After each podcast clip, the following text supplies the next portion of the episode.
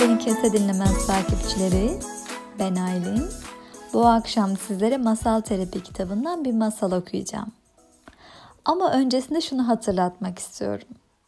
Bizi Spotify hesabından, Beni Kimse Dinlemez Instagram hesabından, Beni Dinlemez Twitter hesabından takip edebilirsiniz. Hazırsanız şimdi pasajımıza geçelim. Adı Değerli Taşlar. Link küçük yaşlardan beri hep mücevherci olmak istiyormuş. Ne zaman bir mücevher dükkanına girse incelikli işlemeler başını döndürüyor, taşların parlaklığı onu büyülüyor, renkler kendinden geçiriyormuş.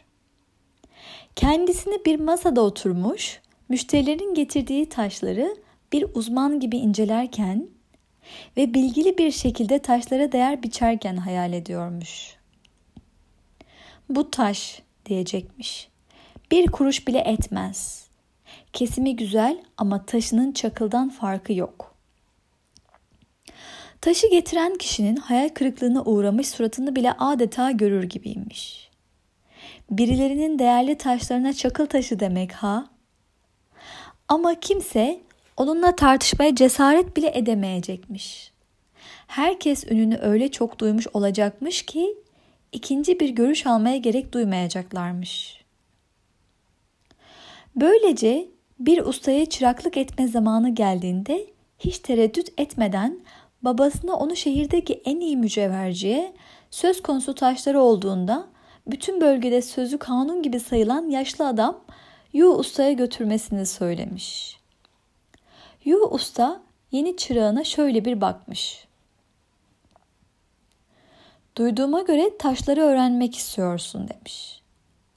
Evet, taşlarla ilgili her şeyi öğrenmek istiyorum. Onları senin kadar iyi tanımak istiyorum. Tamam öyleyse. Al sana bir yeşim parçası. Onu bir yıl avucunda tut ve sonra beni görmeye gel. Link biraz şaşırmış. Birkaç ay geçmeden artık tezgahın arkasında duracağını ve bütün taşları tanıyor olacağını düşünüyormuş. Sadece bir yeşim mi? Bütün bir yıl. Ve ona verilen görev taşı şekillendirmek bile değilmiş sadece avucunda tutmakmış. Hiç de beklediği gibi heyecanlı değilmiş verilen iş. Ama bunun bir sınama olabileceğini düşünmüş. Bu yüzden hayal kırıklığını gizleyip ustasının emirlerine uymaya karar vermiş ve taşı bir yıl boyunca avucunda sımsıkı tutmuş. Parmaklarıyla hissetmiş ve uyurken bile elinden bırakmamış. Bir yıl sonra Yu ustanın karşısına çıkmış ve taşı geri vermiş. Şimdi ne yapayım? Usta ona sadece başka bir taş vermiş ve bunu da bir yıl boyunca avucunda tutmasını söylemiş. Link daha fazla dayanamamış. Ne zamana kadar vaktimi avucumda çakıl taşları tutarak harcayacağım? ne zaman sanatını gerçekten öğretmeye başlayacaksın diye sormuş. Konuşurken bir yandan parmaklarıyla avucundaki yeni taşı hissediyormuş ve kendiliğinden fark etmiş. Hmm, bu yeşim değil. Evet, bu pasajın bize vermek istediği mesaj şu gerçekten içselleştirerek öğren.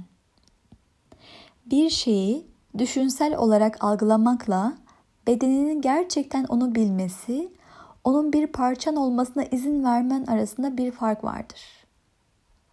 İçselleştirerek öğrenmek, bütün varlığınla öğrenmektir.